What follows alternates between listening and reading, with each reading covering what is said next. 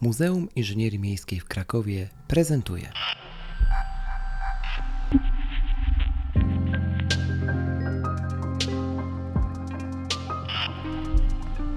Mimcast. Miasto i my.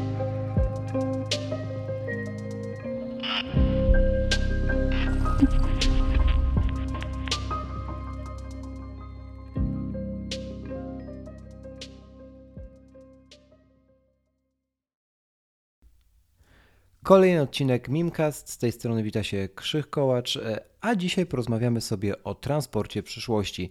To taki odcinek, na który część z Was czekała, bo jest nierozerwalnie związany z tematyką miasta, tematyką tego, jak się, jak się po tym mieście poruszamy, jak się przemieszczamy, czy jak chcemy to robić, bo z tym bywa różnie.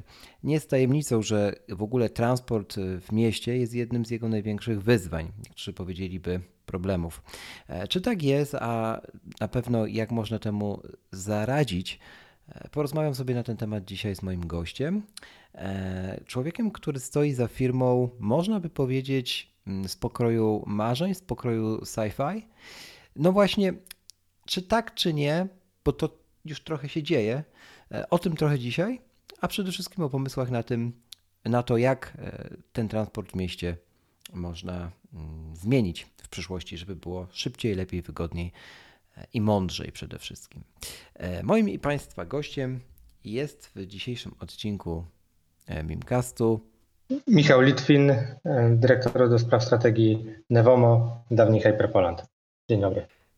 Cześć Michał. Dzięki Cześć. w ogóle, że zgodziłeś się przyjąć zaproszenie do Mimcastu. I e, powiedziałeś słowo, które być może część, z którym być może część naszych słuchaczy się już spotkała, czyli Hyper, Hyperpoland. E, Hyperpoland czy Hyperloop to są pojęcia, które gdzieś przewijają się w tematyce trans, transportu w ogóle.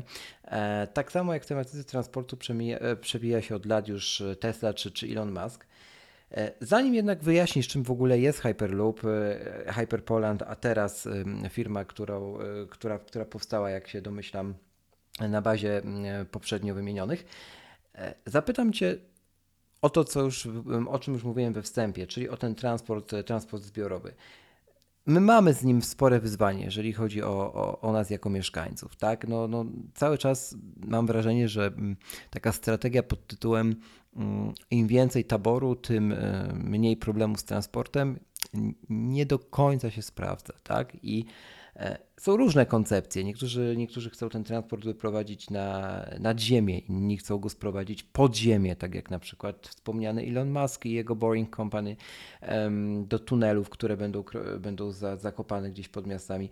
E, o tym już trochę zresztą mówiliśmy w poprzednich odcinkach. I, i jak ty to widzisz? Jako mieszkaniec też, tak? E, czy to jest takie zero-jedynkowe, czy tu w ogóle trzeba wyjść od zupełnie innej strony? i podejść do całego. Wszystko to zależy od y, bardzo wielu uwarunkowań. Przepraszam za tak, za tak y, banalną odpowiedź na samym początku, ale tak po prostu y, jest, nie ma tutaj generalnych odpowiedzi. Zacznę może od końca, czyli od tych potencjalnych rozwiązań, które no, stawiając pytanie mm, zasugerowałeś, mhm. czyli na przykład drążenie tunelów pod ziemią.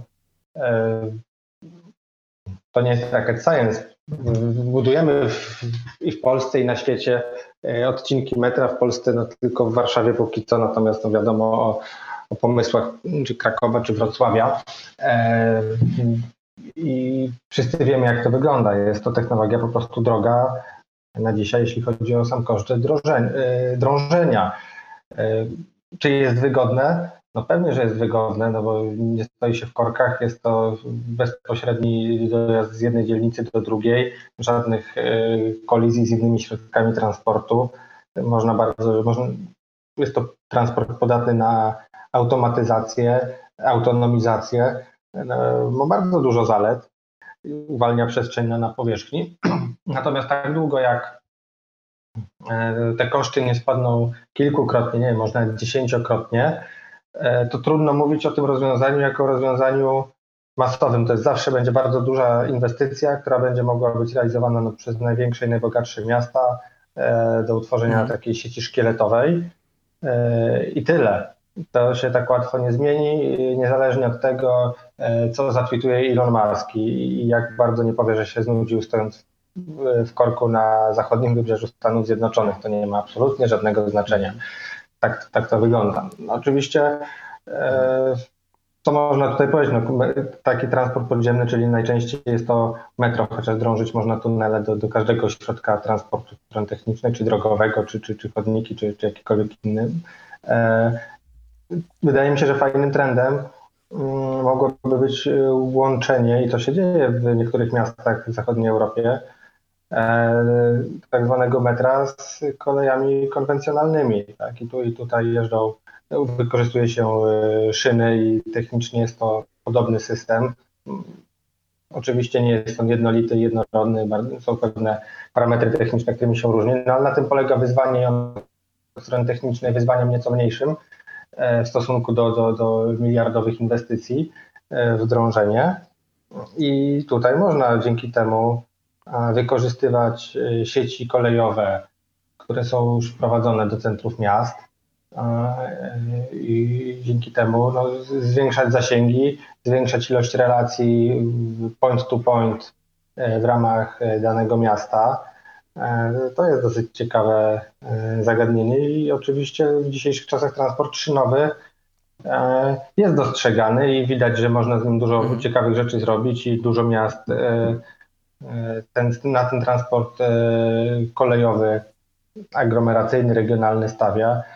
Ja pamiętam, jak w 2004 roku przeprowadziłem się na studia e, do Warszawy, e, to wiele linii kolejowych, które tutaj widywałem, były, że tak się wyrażę, rzadko obsadzone pociągami. E, minęło kilkanaście lat i na tych samych liniach, na których tam się czasem może kilka pociągów dziennie i to dosyć starszej daty pociągów prze, przewinęło. Nagle jest pociąg w takcie godzinnym, półgodzinnym lub kilkunastominutowym i są to nowoczesne składy. Na starej infrastrukturze, znaczy oczywiście w międzyczasie obremontowano, ale, ale nie trzeba było wytyczać nowych korytarzy, nie trzeba było e, zastanawiać się, to czy kopać drogie tunele, czy budować jakieś drogie pylony, żeby to było kilkanaście metrów nad ziemią, czy nad innymi budynkami. Po prostu wyremontowano to, co było od wielu dziesiątków lat. E, I to mi się wydaje jest też trendem który mógłby być wykorzystany nie tylko w transporcie miejskim, mhm. w transporcie publicznym, natomiast, natomiast e, również e, o wiele szerzej, szczególnie w takim kraju jak Polska. Mamy bardzo dużo infrastruktury kolejowej. Ona była budowana jej co do zasady bardzo no, dawno, dawno bardzo temu, tak. tak. Część sieci to jeszcze XIX wiek, część czasy mhm. międzywojenne. I ta sieć była przygotowane do większego ruchu niż mamy obecnie. Tam są jeszcze ciągle rezerwy, mhm. a ciągle powstają przecież nowe systemy sterowania i można zagęszczać ruch bez uszczerbku dla bezpieczeństwa. E, na tym polega cała, e, cała technologia związana ze sterowaniem ruchem kolejowym. To jest jej celem, żeby można było więcej mm, na tej samej infrastrukturze, żeby można było zagęścić. To jest jeden z celów oczywiście. E, mhm. A ciągle to się jeszcze nie, nie dzieje, odkąd weszliśmy do Unii Europejskiej, jeśli chodzi o wolumeny na przykład w transporcie towarowym, to to są mniej więcej takie same jak na początku wejścia do Unii Europejskiej około roku 2004-2005. Tak? W transporcie hmm. pasażerskim mm, szczyty przewozowe to były jeszcze końcówka lat 80., nie pamiętam czy to był 85 czy 88. E, Polska kolej przywiozła, o ile dobrze kojarzę, około miliarda pasażerów. Ubiegłe lata to się szczyciliśmy, że były jakieś bardzo imponujące wzrosty, bo, bo wzrosło do 300 milionów. E, więc mhm. E, wydaje się, że jest trochę jeszcze tutaj potencjału do wykorzystania. Powiedziałeś o mm, tym wykorzystywaniu, to mnie zaciekawiło, czy ja dobrze to też zrozumiałem, bo takie rozwiązanie chyba już istnieje nawet i w Nowym Jorku. Wykorzystywaniu tego transportu metra podziemnego z tą koleją nadziemną. E, czy naziemną. Czy tobie chodzi po prostu o to, że to jakby ten sam skład przejeżdża mm, pod powierzchnią Ziemi, a następnie przez jakiś odcinek porusza się na powierzchni Ziemi, czy zupełnie o co innego ci chodziło? Bo tak to no, zrozumiałem. No, to, dokładnie, dokładnie o to, co o, dokładnie o, ten, pierwszy, o ten okay. pierwszy wariant. I to nie trzeba lecieć za ocean, żeby to e, zaobserwować. Jest to mhm. zupełnie typowy system w Europie Zachodniej, gdzie... No, w, w Londynie na przykład jest. Mhm w Londynie, w Brukseli, w Barcelonie, e, z tych miast, które, w których ja to zaobserwowałem, mhm. e, w Madrycie. E, no, jak technicznie z punktu widzenia kolei nie ma znaczenia, czy jedziemy tunelem, czy, czy nagle Pewnie. ten tunel się kończy. Istotne jest szyny, istotny jest system komunikacji, no, a nie to, czy jest tunel, czy go, czy go nie ma. To ma więc... Jasne. Mm, jakby wy podeszliście trochę do tematu y, inaczej. I jak to, jak to wygląda? Jakie są plany na teraz i czym w ogóle ten Hyperloop y, ma być? O co chodzi w tym całym koncepcie? Od tego proszę zacznijmy. E, przechodząc nieco bardziej do szczegółów, rzeczywiście prezentowaliśmy koncepcję e, trzyetapową e, i ta koncepcja jest w zasadzie aktualna. Mm, przy czym koncepcje nazywane Hyperrail i Hyperloop, one się w jakimś zakresie rozlewają w jedną całość, bo technicznie to już jest okay. jedno z drugim dosyć mocno zbliżone, bo i w jednym i w drugim przypadku jest, mówimy o wykorzystaniu próżni.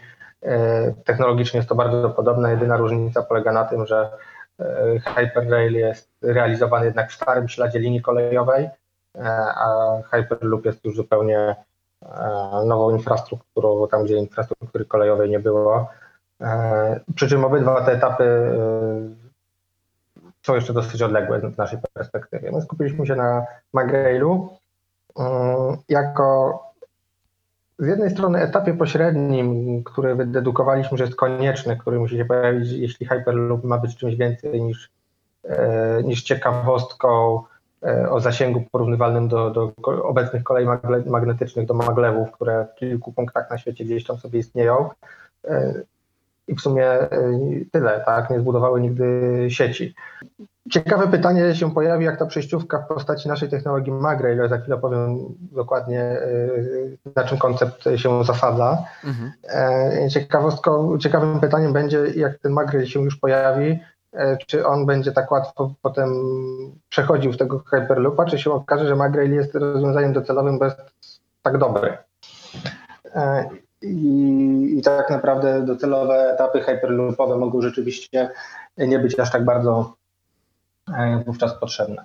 O co chodzi z Magrailem? E, chcemy część elementów technologii hyperloopowej, czyli napęd przy pomocy silnika liniowego, mm, zastosować na istniejącej infrastrukturze kolejowej. Wyglądałoby to w ten sposób, że tu, gdzie mamy dwie szyny, po środku instalowalibyśmy coś, co wygląda jak trzecia szyna, a jest silnikiem liniowym, czyli no, na zewnątrz jest to oczywiście zabudowane, w środku są uzwolenia, całe te wszystkie rzeczy, na których się słabo znam jako, e, jako nie inżynier, natomiast e, powoduje to napęd, e, czyli sam pojazd jest pasywny, na pojeździe pojawiają się tylko magnesy i to tak naprawdę ten silnik w torze napędza, przyłączając tam sekcja po sekcji parametry prądu, ten prąd się pojawia w poszczególnych, bardzo precyzyjnie. To jest, musi być wysterowany centymetr po centymetrze. Ten prąd się pojawia sekcja po sekcji. No i pojawia się pole elektromagnetyczne, które reaguje z magnesami na pojeździe, no i ten pojazd jest w jakiś sposób ciągnięty, czy też popychany, czy tak naprawdę na, na przemian ciągnięty i popychany. Oczywiście jest to gładkie, ale, ale na poziomie takiej fizyki no to jest naprzemienne takie podciąganie i popychanie, tak, tak to by należało rozumieć. I przy prędkości około 50 km na godzinę ten pojazd zaczynałby nad tymi torami lewitować. Hmm. Oczywiście na torach trzeba zainstalować jeszcze takie urządzenia, takie listewki magnetyczne, na, na brzegach pokładów kolejowych, które by stabilizowały tą lewitację, e, czyli te, te siły magnetyczne by się tam tak jakby opierały. No i to jest w stanie dzięki tej technologii oraz dzięki mechanizmowi wychylnego pudła, które też opracowaliśmy i mamy już opatentowane,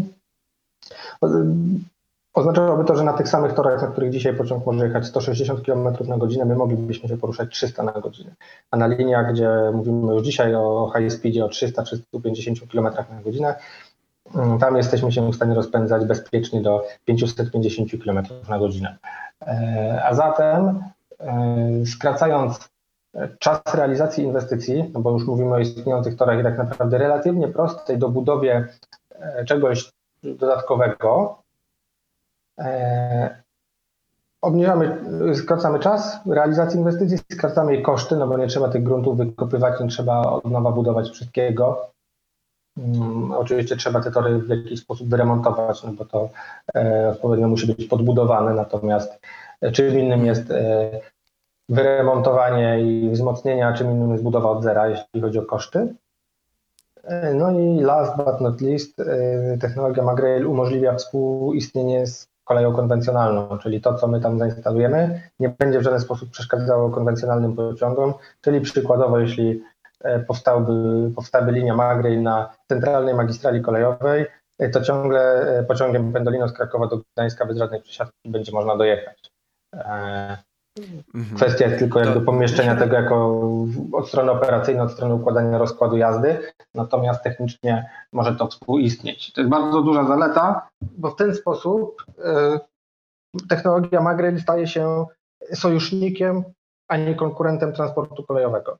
Hyperloop może być rozumiany no, jako pewnego rodzaju alternatywa. Tak? No i wyobraźmy sobie, że ktoś przychodzi i chce wbudować Hyperloopa z Warszawy do Krakowa, no i wszyscy, którzy jeżdżą, na przykład PKP Intercity e, czy, czy polskie linie kolejowe, które mają tam położone tory, które są, są zarządcami torów, e, no, no, nie jestem pewien, czy by byli tym pomysłem zachwyceni, no bo to byłaby oczywista konkurencja, taki transport by przejmował. E, jeśli byśmy powiedzieli, że chcemy z nimi to wybudować na ich torach, ale byłby to zupełnie osobny Hyperloop, no to byśmy rozerwali wiele relacji, tak? Nie dałoby się Cemko dojechać z Katowic na przykład do Warszawy, no bo tu byłby tylko Hyperloop, więc to jest bardzo ważne, fundamentalne, bym powiedział, w naszym podejściu. Mhm. E, dwa, dwa pytania, które rodzą mi się od razu, jak, jak słucham tego, tego, co mówisz, tej opowieści. To jest pytanie o, o dokładnie funkcjonowanie tego połączenia. Powiedziałeś, że jedno drugiego nie wyklucza i to jest jasne. Natomiast powiedziałeś na samym początku, że e, cała koncepcja tej lewitacji na, mm, na magistrali magnetycznej odbywa się przy mm, przy prędkości 50 km na godzinę. Czyli rozumiem, że zakładacie start od 0 do 50 jakiś super szybki, czy pierwszy mm, element jakby tej trasy to jest pokonywanie jej na, nie wiem, czymś w rodzaju klasycznych e, szyn, tak? Z wykorzystaniem klasycznych płos, czy... E, jest to bliżej tej drugiej wersji, czyli wcale się nie będziemy spieszyli. E, z tym rozpędzaniem. Tak naprawdę wyjeżdżając już poza miasto na przykład, tam będzie dobra przestrzeń, żeby się rozpędzić i dzięki tym prędkościom i dzięki krzywej przyspieszania, która od strony fizycznej jest no, mhm. niemal nieograniczona, więc sobie zakładamy, że pasażerowie akceptują dzisiaj przyspieszenia charakterystyczne dla samolotów i, i uważamy, że z tymi przyspieszeniami najprawdopodobniej E, będziemy się też poruszali, więc nie ma też długiego czasu przyspieszania, tylko te prędkości rzędu 300 czy 500 km na godzinę są do osiągnięcia w minutę lub dwie minuty. Też upraszczamy sobie od strony technologicznej kilka, kilka rzeczy, kiedy e, czyli nie powodujemy konieczności w tym przynajmniej zakresie e, przebudowy infrastruktury stacyjnej. Jeśli chodzi o koszty takiego rozwiązania, powiedziałeś, że one są znacznie niższe no, niż wiadomo, budowa e, metra czy, czy budowa jakichś wielkich nasypów naziemnych, e, które wyglądają rodem z sci-fi. To jasne. Pytanie, takie, które mi się kolejne nasuwa, to jest o koszty amortyzacji całości, tak? Czyli ja jako Jan Kowalski, który kupuje sobie bilet i ma do wyboru, tak jak powiedziałeś, w wielu miejscach tylko Hyperloopa albo i to, i e, klasyczny, nie wiem, Pendolino załóżmy. E, mam się na dzień dobry spodziewać, że to będzie droższe na jednostkowym bilecie, na jednostkowym przejaździe, czy, e, czy celujecie w to, żeby to właśnie droższe nie było? Ciekawy jestem też możliwości, tak? Bo, bo mówisz dużo o upraszczaniu, o, o tej braku ingerencji, mm, no ale jednak zawsze decydujemy portfelami, nie? E, tak, to jest bardzo dobre pytanie i jest to bardzo trudne też równocześnie pytanie, bo akurat ceny biletów w bardzo dużej mierze, przynajmniej w transporcie kolejowym, nie zależał tylko i wyłącznie od e, e, kosztów e, bezpośrednio ponoszonych, tylko zależał w dużej mierze od polityki transportowej państwa, od tego, co w tym państwie jest dotowane, a co dotowane nie jest. No, przykładowo w cenie biletu kolejowego w jakimś skromnym zakresie, jeśli w ogóle jest uwzględniona amortyzacja. Zakłada się, że ta linia kolejowa jest po prostu wybudowana. Na tym poziomie, na którym my się znajdujemy i do której jako firma technologiczna możemy się odnieść, e, zużycie energii e, mniej więcej w przeliczeniu na pasażera bilansują się mniej więcej w następującym momencie. Nasza prędkość 415 km na godzinę bilansuje się z prędkością kolei y, high speedowej na poziomie 300 km na godzinę. Czyli możemy jechać szybciej przy tym samym zużyciu. Czyli oznacza to, że jeśli będziemy jechali 550 km na godzinę, jeśli ktoś uzna, że taka prędkość jest potrzebna i, i zasadna, no to pewnie jednostkowe zużycie byłoby większe. Wasze rozwiązanie ma szansę pomóc z tego, co y, opowiadasz w takim transporcie międzymiastowym głównie, e, na skali kraju, tak, tak to sobie osadź, osadźmy. Mm, I to jest super. Zastanawiam się, czy myśleliście w ogóle o mm, wdrażaniu tego typu rozwiązań mm, w strukturę miast, tak? Czy to jest w ogóle, no, nie mówię o prędkościach 400 na godzinę w mieście, ale czy chociażby część z tych technologii, którymi teraz dysponujecie e, lub nad którymi pracujecie, zakładacie, że kiedyś będzie mogła też być wykorzystana w tkance miejskiej, ogólno, ogólnie rozumianej, nie? Czy to w ogóle nie jest wasz target? Tak zupełnie wprost pytając. E, takie rozwiązania jak Magray, takie prędkości e, rzędu 300 do 500 km na godzinę e, mogą z powodzeniem konkurować z regionalnym lotnictwem. Regionalne w lotnictwie oznacza latanie po Europie na przykład. Mhm. Z Warszawy do Barcelony to jest lot regionalny ciągle, yy, więc na, odległościach liczonych w setki, a może nawet powyżej 1000 km na godzinę, to może być rozwiązanie konkurencyjne, gdyż no, dojeżdżamy z punktu A do B, czyli z centrum miasta do innego centrum miasta, a, a z transportem lotniczym, który no, osiąga wyższe prędkości, 850 km na godzinę, to jest taka przeciętna prędkość e, samolotów e, Boeing 737 albo, albo Embraery, e, no ale czas na dojazd na lotnisko, czas na odprawę, wiadomo. E, sumarycznie to wychodzi o wiele więcej. E, w związku z czym tu widzimy największą zaletę. No i im te odległości są krótsze, tym uzysk mhm. związany z rozwijaniem tych wysokich prędkości e, jest mniejszy. W transporcie, im bardziej wchodzimy w transport miejski, tym musimy częściej się zatrzymywać e, i tak naprawdę liczy się e, tutaj gęstość e, połączeń, czyli jak często możemy puścić pojazd w jak gęstym takcie, bo o wiele korzystniej jest dla, dla mieszkańca miast mieć pojazd, czy, czy tramwaj, czy metro, czy pociąg co 5 minut niż co 20 minut. Na poziomie transportu miejskiego e, widziałbym być może e, rozwiązania związane tylko i wyłącznie z poprawą efektywności istniejących systemów, jeśli udowodnilibyśmy, że napęd przy pomocy silnika liniowego zainstalowanego w torach, obojętnie czy były to tory tramwajowe czy, czy, czy kolejowe, no, byłby efektywniejszy, tak, byłby efektywniejszy niż, e, niż e, obecnie wykorzystywany system, czyli no silnik na każdym pojeździe i pobieranie prądu z sieci trakcyjnej. To jest jakby tylko i wyłącznie już, mówilibyśmy wtedy raczej o, e, o tym elemencie technologii związanym z, z silnikiem liniowym. Natomiast, natomiast widzę przestrzeń tutaj dla, dla transportu publicznego, dla transportu miejskiego w innych elementach, rozwiązanie związane z, tak jak Magray, czy, czy, czy wszystkie znane mi systemy hyperloopowe, które są rozwijane, e, zakładają docelowo autonomizację mm, prowadzenia pojazdów. Oczywiście, jeśli mamy silnik liniowy, który jest też narzędziem bardzo precyzyjnego sterowania tym pojazdem, e, bardzo precyzyjnie kontrolujemy jego prędkość i położenie, jest to tam łatwiej, jest to relatywnie łatwiejsze, natomiast elementy związane z automatycznym prowadzeniem e, wydaje mi się, że również w transporcie miejskim będą grały coraz e, większą rolę i te elementy, które również będą musiały być w jakiś sposób albo rozwinięte, albo zaadaptowane przez, przez firmy z sektora Magray i Hyperloop, mogły być wykorzystane w transporcie publicznym. Jasne. Jeśli chodzi o konkretnie o, o, to, gdzie projekt jest, mówiłeś, że, mm, że idzie cały czas, właściwie mknie do przodu, e, trzymając się terminologii prędkości. Mm, to gdzie teraz jesteście i jak to wszystko się zderzyło no, z 2020 i, i pandemią, tak? Przede wszystkim idziemy zgodnie z planem, zgodnie z harmonogramem. Y, nasz projekt Magrailowy jest y, finansowany w głównej mierze przez grant Narodowego Centrum Badań i Rozwoju e, i to się dzieje. W tym momencie, w tym roku E, my mamy przewidziane prace warsztatowe, e, a w przyszłym roku, no i oczywiście rozwój wielu elementów w ramach no, pracy w warsztacie jeszcze, czyli no, bez montażu tego na, na torach. Natomiast w tym momencie dogrywamy kwestię e, infrastruktury torowej i w przyszłym roku wiosną będziemy już wchodzili na tor fizyczny długości no, trochę mniej niż kilometr, ale już pełnoskalowy i będziemy tam instalowali elementy naszego silnika liniowego i w drugiej połowie przyszłego roku rozpoczniemy tam już pierwsze jazdy testowe pojazdem pełnoskalowym. Pojazd pełnoskalowy należy tutaj rozumieć nasz kluczowy element technologii, czyli no coś, co można by sobie wyobrazić jako wózek kolejowy specjalnej konstrukcji. E, nie będzie tutaj całej tej nadbudowy w postaci e, kabiny, e, podłogi, okien, krzeseł, stolików. To, to nie, jest, nie jest kluczowe. Kluczowe jest to, żeby pojazd się rozpędzał i lewitował stabilnie.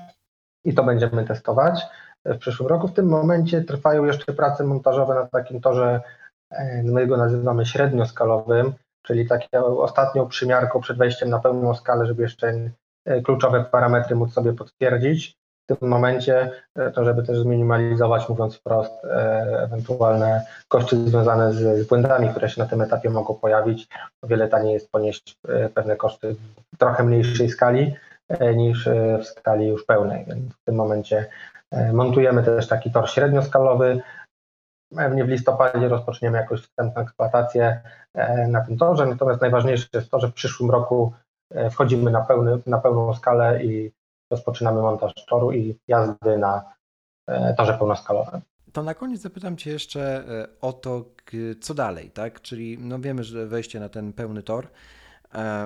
No nie sposób nie zapytać o to, kiedy jeśli wszystko pójdzie dobrze, będziemy mogli mm, skorzystać z tej technologii w którą wierzycie, którą rozwijacie, choćby na skali na razie kraju. Wiem, że aspirujesz tam do, do tego transportu, mm, który będzie substytutem lotnictwa, ale skupmy się na razie chociażby na tej trasie, którą podałeś, czyli Kraków-Gdańsk, e, główna magistrala, tak?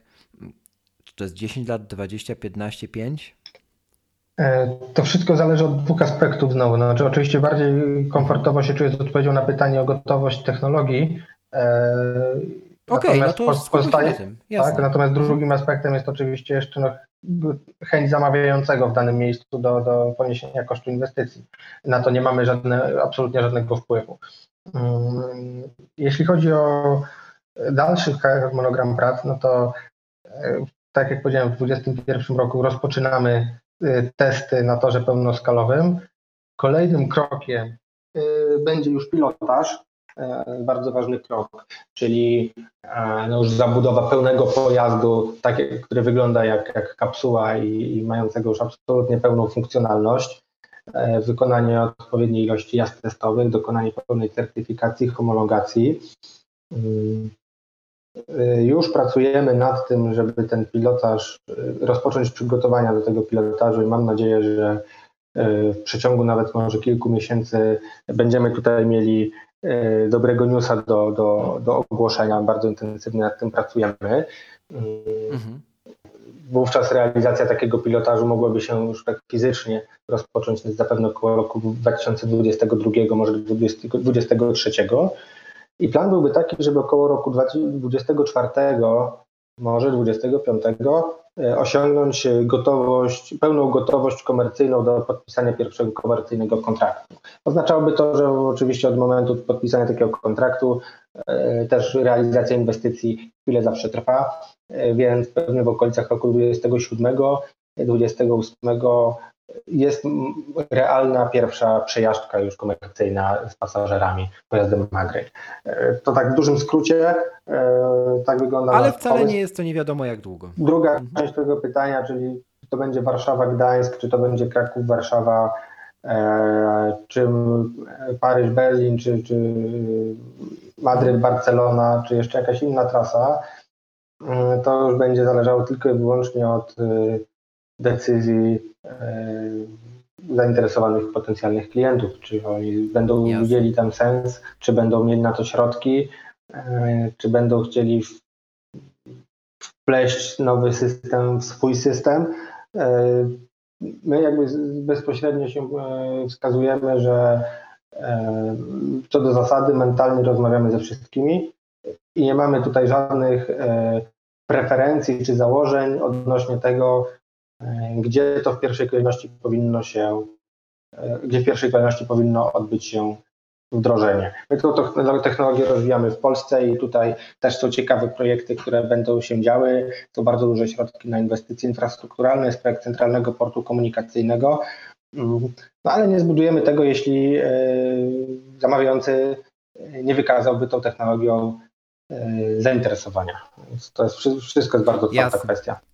Czego jeszcze można życzyć, Michał, Tobie mm, przy końcu już 2020 roku? Przede wszystkim, żeby wszystko szło zgodnie z planem. E, jest plan rozwoju e, tej technologii, jest plan prac badawczo-rozwojowych. E, oczywiście to są rzeczy, które w ramach których zawsze coś się może wydarzyć. Podejmujemy pewne technologiczne założenia i je potem weryfikujemy. No i zdarza się, że te należy coś zweryfikować później, tak? No bo, bo jednak te pierwotne założenia czegoś nie uwzględniały. Im więcej tych niespodzianek nam się po drodze pojawia, no tym bardziej rosną koszty, e, ale też oczywiście tym bardziej przemyślane jest nasze i zaawansowane jest nasze rozwiązanie. E, więc e, przede wszystkim chyba trzymania się harmonogramów i, i to jest najważniejsze w tym wszystkim. Dzięki w takim razie za przyjęcie jeszcze raz zaproszenia do Mimcastu i mam nadzieję, że spotkamy się albo usłyszymy jeszcze nie raz. Moim i waszym gościem był Michał Litwin. E, no i cóż, trzymamy kciuki. E, dziękuję bardzo.